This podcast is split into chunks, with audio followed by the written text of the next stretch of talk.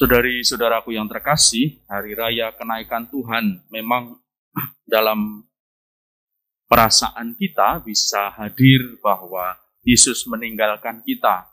Ia pergi naik ke surga bersama Bapa.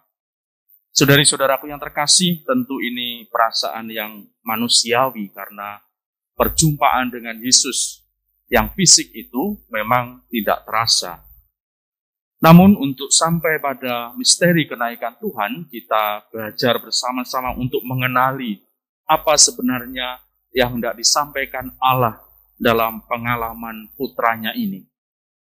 Saudari-saudara, dalam hidup beriman, memang ada satu hal yang tidak boleh hilang, yaitu perasaan akan Allah sendiri.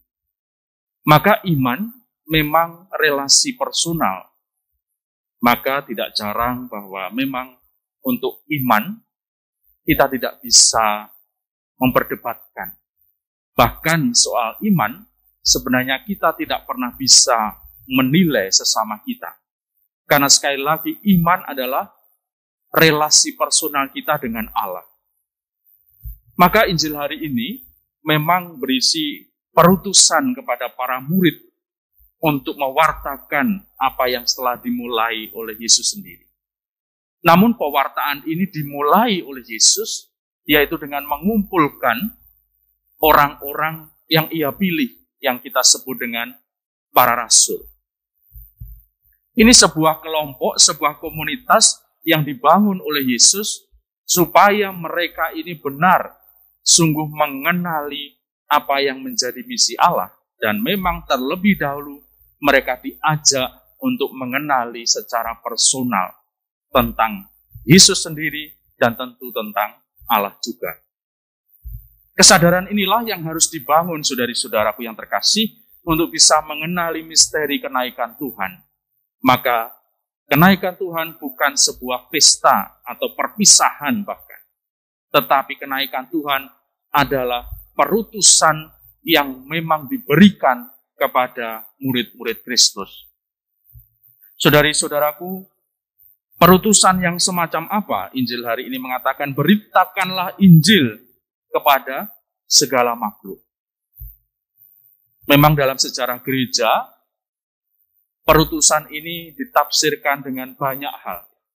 Mulai dari memang bermisi dalam arti membaptis banyak orang, ada yang mulai memahami perutusan ini dengan menjadikan dunia lebih baik, dan Konsili Vatikan kedua menekankan itu dengan mengajak untuk menjadi bagian dalam sejarah dunia, masuk dalam perjalanan hidup manusia.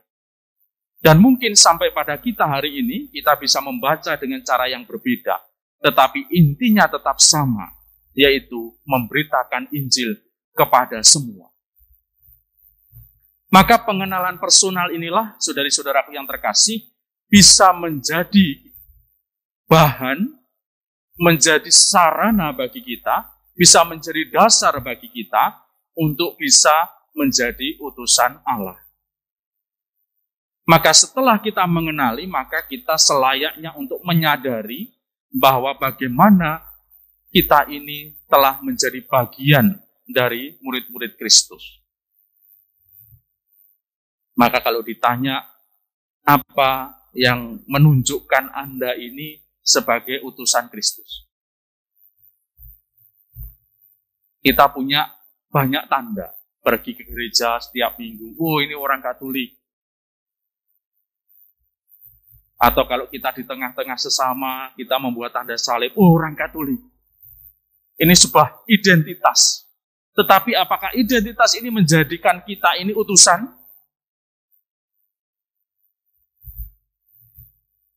Ya harus dijawab dari diri kita masing-masing. Apa? Ketika kita menjadi utusan, maka kita sudah punya relasi personal dengan Allah. Apakah saya ini sebenarnya sudah punya kedekatan dengan Allah sendiri? Ya paling sederhana, hidup doa. Apakah hidup doa saya ini setiap hari sudah berkembang? Berapa kali kita berdoa? Ada yang sangat rajin ya, mulai dari bangun pagi, makan pagi, makan siang, dan seterusnya. Atau dalam segala pengalaman hidup ini kita sudah membawa pengalaman iman itu, identitas itu dalam hidup kita. Ada yang bersih, anjing Tuhan Yesus terima kasih. Waduh gitu ya. Ada yang anjing menengai banyak. Ada banyak hal pengalaman-pengalaman itu. Tetapi bagaimana pengalaman personal ini benar-benar menjadikan kita utusan Allah. Maka seorang yang beragama itu selalu bertanya, bagaimana kamu menunjukkan imanmu atau agamamu itu kepada dan banyak sekali jawaban, banyak sekali permenungan yang mengatakan ya, selama kamu menjadi orang baik, kamu sudah beriman. Lalu ditanya lagi, apa bedanya dengan orang yang tidak beriman dan baik? Sampai akhirnya bingung, iya apa artinya iman? Apa artinya agama? Inilah saudari-saudaraku yang terkasih menurut saya, yang menjadi dasar kita untuk mengenali perutusan kita. Apa bedanya Anda sebagai orang tua, sebagai ibu, sebagai bapak, sebagai anak yang Katolik dengan yang tidak? Injil hari ini sebenarnya juga bisa menjadi tanda-tanda kita ya dikatakan tanda-tanda ini menyertai orang-orang yang percaya mereka akan mengusir setan-setan demi namaku. Nah, apakah Anda pernah mengusir setan?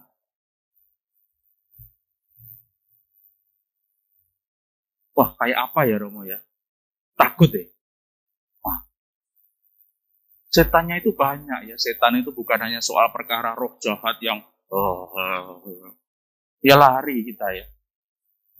Tapi setan itu bisa menjadi banyak hal. Contoh yang paling sederhana, kita ini yang sedang pandemi ini. Lebih banyak di rumah. Godaannya apa? males ya. Maka ada istilahnya apa?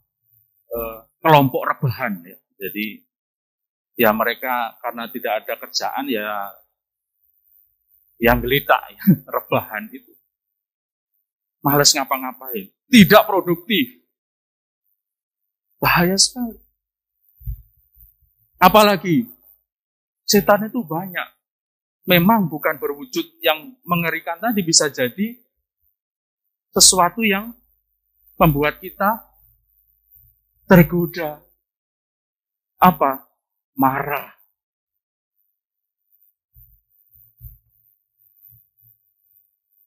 Banyak Romo sekarang ini, pandemi ini, sekarang ini banyak orang gampang marah.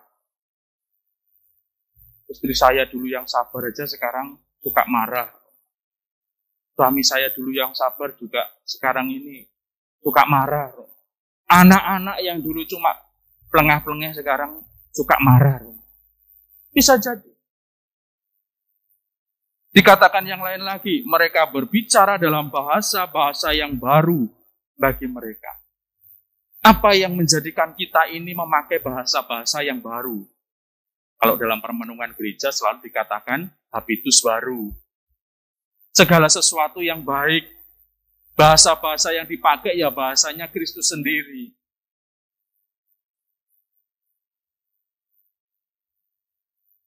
Dikatakan yang lain lagi di sini, mereka akan memegang ular dan sekalipun minum racun maut, mereka tidak mereka tidak akan mendapat celaka. Artinya apa? Mereka berani dan selamat. Mereka akan meletakkan tangannya atas orang sakit dan orang itu akan sembuh. Memang ini sering kali di, diartikan sebagai penyembuhan. Tetapi bagi saya ini lebih mendalam lagi.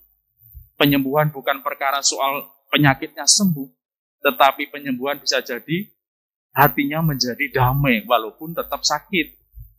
Itu yang tidak gampang. Karena kebanyakan dari kita bisa mengalami yang ini. Romo, saya itu sudah dijamah tujuh romo, tidak sembuh. Biasanya saya tanya jawah, jamahnya gimana. Kadang-kadang kita itu berpikiran secara real semacam itu. Bisa jadi sebenarnya menyembuhkan orang itu bukan hanya soal sakit, tetapi soal ketenangan. Dan itu yang jauh lebih dibutuhkan. Maka kenapa kalau ada orang sakit, biasanya mengunjungi ya, bawa macam-macam, itu biar senang.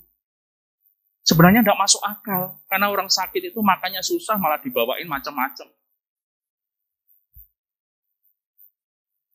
Kemarin ada Romo yang cerita ketika sakit selama pandemi ini, banyak datang makanan-makanan gitu ya. Lalu dia mengatakan, iya pas sehat gak tahu dikirimi. Mas Loro dikirimi macam-macam sing mangan perawati. Kadang-kadang tidak logis, tapi itulah sebenarnya pemahaman kita bagaimana kita sebenarnya ingin memberikan penyembuhan. Maka saudari-saudaraku yang terkasih, banyak hal yang sebenarnya bisa menjadi tanda itu. Nah, pertanyaannya adalah, apakah kita sudah mengenali tanda-tanda itu? Bahkan kita sudah merasakan tanda-tanda itu hadir dalam hidup kita setiap hari. Maka saudari-saudaraku yang terkasih, hari raya kenaikan Tuhan, kita diajak untuk ambil bagian dalam karya perutusan Kristus. Kita menjadi bagian dalam karya-karya Allah. Kita memang menjadi murid-murid Kristus, hanya tinggal bagaimana kita menyadari perutusan kita dan melakukannya itu dalam hidup kita setiap hari. Semoga berkat Allah menyertai kita sekalian. We'll be right